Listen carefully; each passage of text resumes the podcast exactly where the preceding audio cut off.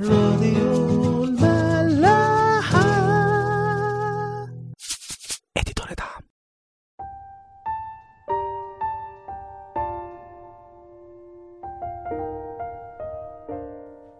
أهلا بيكم في حلقة جديدة من عيش وملح.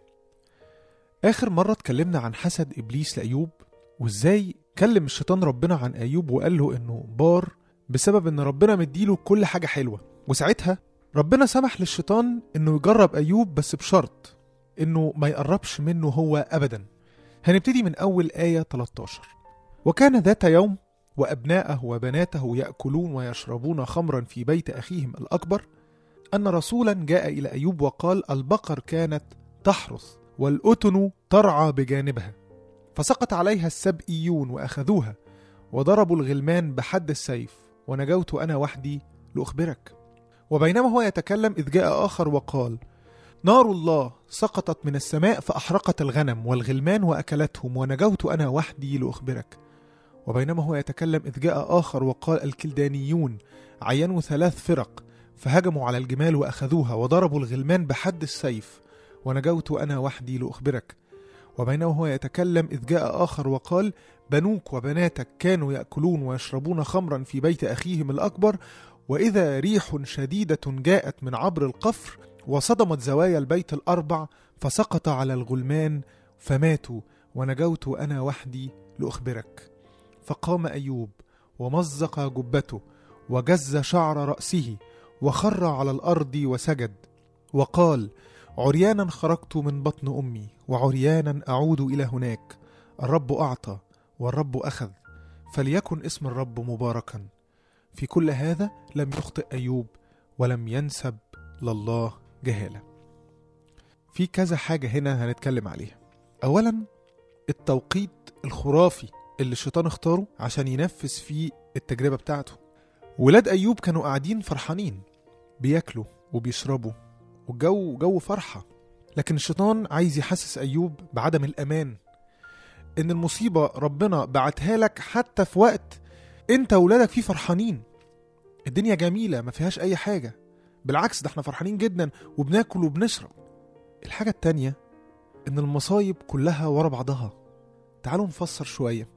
بيجي الرسول بيقول لأيوب البقر كانت شغالة في الأرض والقطن القطن ده جمع أتان كانت جنبها والجو جميل مفيش فيه مشكلة. وفجأة يجي جماعة اسمهم السبئيون ودول جماعة حرامية من قطاعين الطرق. بيجوا ويسرقوا البقر والقطن وياخدوها. ومش بس كده دول بيقتلوا الغلمان اللي بيشتغلوا في الأرض. ولسه الولد ما يكونش خلص كلامه ويلاقي رسول تاني جاي يقول له إن نار الله نزلت من السماء وحرقت الغنم والغلمان وأكلتهم. وبعديها يجي رسول تاني يقول له إن الجماعة الكلدانيين جم وأخدوا الجمال وقتلوا ال- الغلمان ومشيوا. حاجات غريبة. مصايب يعني. والشيطان قاصد إنه يخلي أيوب كل فكره يروح ناحية إن ربنا هو اللي عمل فيه كده. ده بيقول له نار الله نزلت من السماء وحرقت الغنم والغلمان وأكلتهم. كل هدف الشيطان في التجربة دي إنه يفقد أيوب الثقة في ربنا. ومش بس كده لأ ده عايزه يتأكد إن ربنا هو اللي عمل فيه كده. مش عايز يدي فرصة لأيوب إنه يفكر بين التجربة والتانية. عايزه يقتنع إن ربنا غضب عليه وأغضب الناس عليه. فنزل نار من السماء تاكل الغلمان والغنم وبعت السبئيين والكلدانيين علشان يسرقوه ويموتوا غلمانه. وفي الآخر يطعن الشيطان أيوب في قلبه. بعد كل اللي حصل ده ممكن أيوب يقول مش مهم. كفاية إن أنا وولادي بخير. لكن الشيطان عايز يوصل مع أيوب لأكبر درجات النقم والتجديف على الله. فبيجي الرسول الأخير ويبلغه إن في رياح عظيمة جت وخبطت زوايا البيت وكسرت البيت ووقع على ولاده وهم بياكلوا وبيشربوا وبيموتوا كلهم. أكنه عايز يقول له إن الله والناس والطبيعة غضبت عليك. أيوب في دقيقة واحدة خسر كل حاجة عنده. وكل ولاده أكبر مصيبة ممكن يتعرض لها أي إنسان في الدنيا. إزاي ممكن حد يتحمل كل ده؟ إنسان بار. بيشهد عنه ربنا نفسه إنه بار وكامل يحصل معاه كل ده. أمال لو كان إنسان شرير هتعمل إيه معاه يا رب؟ هو أنت ظالم؟ هو أنت مفتري؟ هي دي كل الأسئلة اللي كان الشيطان عايز ايوب يسالها هو ده بالظبط اللي الشيطان عايزه. عايزه يجدف على الله. كتير قوي بنسمع عن تجارب رهيبة بيقع فيها ناس. وممكن إحنا كمان نقع في تجارب ما نبقاش فاهمين إيه اللي حصل مين اللي عمل فينا كده. بصراحة ده سؤال مهم قوي. يعقوب الرسول في رسالته الإصحاح الأول 13 و 14 بيقول لا يقل أحد إذ جرب إني أجرب من قبل الله لأن الله غير مجرب بالشرور وهو لا يجرب أحدا. ولكن كل واحد يجرب إذ انجذب وانخدع من شهوته. التجربة يا إما تيجي من الشيطان نفسه عشان يخلي الإنسان يفقد الثقة في ربنا ويهتز إيمانه ويبتدي يجدف على الله بالظبط زي ما عمل مع أيوب. وساعتها ممكن ربنا يسمح إن الإنسان يمر بالتجربة دي. مش علشان يشوف هيتصرف إزاي ولا علشان يعاقبنا على حاجات غلط عملناها لكن بيسمح بيها من أجل خلاص الإنسان.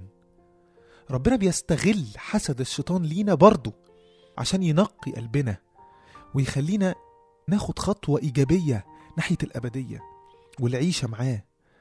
بطرس الرسول في رسالته الأولى أول إصحاح آية 6 و7 بيقول الذي به تبتهجون. مع إنكم الآن إن كان يجب تحزنون يسيرا بتجارب متنوعة. لكي تكون تزكية إيمانكم وهي أثمن من الذهب الفاني مع أنه يمتحن بالنار. توجد للمدح والكرامة والمجد عند استعلان يسوع المسيح. يعني ممكن تكون التجارب اللي ربنا ممكن يسمح للشيطان إنه يجربنا بيها هي اللي هتكون سبب المدح والكرامة والمجد اللي هناخده في المجيء التاني لما يجي المسيح على السحاب. والشيء اللي يطمن ويعزي إن الله لا يمكن إنه يسمح لينا بتجارب فوق طاقتنا فوق الطاقة وفوق النعمة اللي هو مديها لنا عشان نتحمل التجربة. وده اللي قلناه المرة اللي فاتت. وكمان مع التجربة بيدي العزاء والصبر. مش بس كده ده ممكن الواحد يلاقي الإنسان اللي بيمر بالتجربة هو اللي بيعزي الناس اللي جاية تعزيه أو تقف جنبه لأن هو ده عمل الله هو ده عمل النعمة. بولس الرسول في رسالته التانية لأهل كورنثوس واحد آية 3 وأربعة وخمسة بيقول مبارك الله أبو ربنا يسوع المسيح أبو الرأفة وإله كل تعزية الذي يعزينا في كل ضيقتنا حتى نستطيع أن نعزي الذين هم في كل ضيقة بالتعزية التي نتعزى نحن بها من الله. لأنه كما تكثر آلام المسيح فينا كذلك بالمسيح تكثر تعزياتنا أيضا. النوع التاني من التجارب مش شرط يكون من الشيطان. ممكن يكون الإنسان نفسه بتصرفاته هو اللي عمل في نفسه مشكلة. وفي أمثلة كتير في الموضوع ده. واحد بيسوق بسرعة جنونية خبط ناس موتها. ودخل في قواضي وإحساس بالذنب ومشاكل كتير. واحد بيشرب مخدرات فجاب لنفسه أمراض منيلة بنيلة. واحد بيشرب سجاير بطريقة شرسة جاب لنفسه أمراض صعبة برضه. واحد كان بيربي ولاده بطريقة غلط وبمنتهى العنف وبعيد عن ربنا والكنيسة وكل حاجة. لما كبر ولاده بقوا قاسيين جدا عليه ومحدش معبره بقى إنسان وحيد. ما ده بسبب تربيته الغلط. دي تجارب ومشاكل الإنسان ممكن هو اللي يدخل فيها نفسه بنفسه. لكن برضه ربنا مش بيقف يتفرج وسايب الأمور تمشي زي ما تمشي. الله ضابط الكل. ربنا هيسمح إنك تمر بالتجربة اللي أنت حطيت نفسك فيها. لكن انت ابنه برضه. هو بيحبك جدا. مستني بس إنك ترفع عينيك ليه وتقول له يا رب سامحني أنا محتاج نعمتك. بس قبل كده لازم تعرف وتدرك إن المشكلة اللي أنت فيها دي مش بسبب ربنا. مش ربنا اللي حطك فيها ربنا بيحبك. كان يقدر يمنعك عن الغلط؟ آه أكيد. بس مش من طباع ربنا إنه يعمل حاجة غصب عنك. أنت حر. لازم قبل ما ترفع عينيك وتطلب معونة ربنا ونعمته تكون متصالح مع نفسك ومع الله. وتدرك إنه بيحبك قوي ومستني إنك تقول له تعالى أنا مستني نعمتك. المسيح بيقول في متى 11 28 تعالوا إلي يا جميع المتعبين والثقيل الأحمال وأنا أريحكم. التجربة علشان تمر بسلام محتاجة إيمان بمحبة الله ليا وعنايته ليا. وبعمل الروح القدس جوايا وبنعمته. في ناس كتير متخيلة إنه طالما أنا ماشي جنب الحيط وبعمل الحاجات اللي ربنا أمرني بيها يبقى أنا كده في السليم. مفيش حاجة ممكن تحصل لي. طالما أنا بصلي وبصوم وبتناول وبعترف وبخدم وبدي العشور وكله تمام يبقى أنا كده في السليم. مفيش أي حاجة ممكن تقرب مني. زي ما نكون مسافرين مثلا وراكبين العربية هنطلع على الطريق فواحد مننا يشتم مثلا. فالباقي يقول له إيه؟ احترم نفسك بقى. إحنا طالعين على الطريق وعايزين ربنا يسترها معانا. وكأني أنا بعمل الصح وبعمل الأعمال الكويسة علشان أتجنب شر الله. مش أعمال نابعة من محبتي ليه ورغبتي في القرب منه ومعرفته أكتر. يعني أنت بتعمل الأعمال دي علشان أنت خايف قوي من ربنا. خايف من عذاب الله. خايف من عذاب الله هنا على الأرض أو بعد ما نموت بقى في الأبدية. لكن يوحنا الرسول في رسالته الأولى 4 18 بيقول لا خوف في المحبة بل المحبة الكاملة تطرح الخوف إلى خارج لأن الخوف له عذاب وأما من خاف فلم يتكمل في المحبة. طول ما أنا ماشي جنب الحيط وبعمل اللي ربنا عايزه مني هيسترها معايا لكن لو قلت عقلي وعملت أي حاجة غلط هشوف الوش التاني بقى. لو أنت عندك الفكر ده وأنت كويس جدا وبتعمل كل حاجة وعشرة على عشرة وربنا سمح إنك تمر بتجربة. هتحس إن ربنا ده خاين وبيطعنك في ظهرك. أنت اللي عملت علشانه كل ده وعملت علشانه كل حاجة حلوة هو دلوقتي وقعك في مشكلة. الموضوع ببساطة ملوش علاقة باللي أنا عملته. الموضوع ليه علاقة بإيماني وإني أكون مصدق إني أنا ابن الله وإنه بيحبني. أكون مصدق ده. بيحبني مش علشان أنا كويس بعمل حاجات كويسة لأ عشان أنا ابنه. سواء كنت كويس أو وحش أنا ابنه وهو أبويا. ما عمرناش شفنا أب بيكره ابنه المعاق.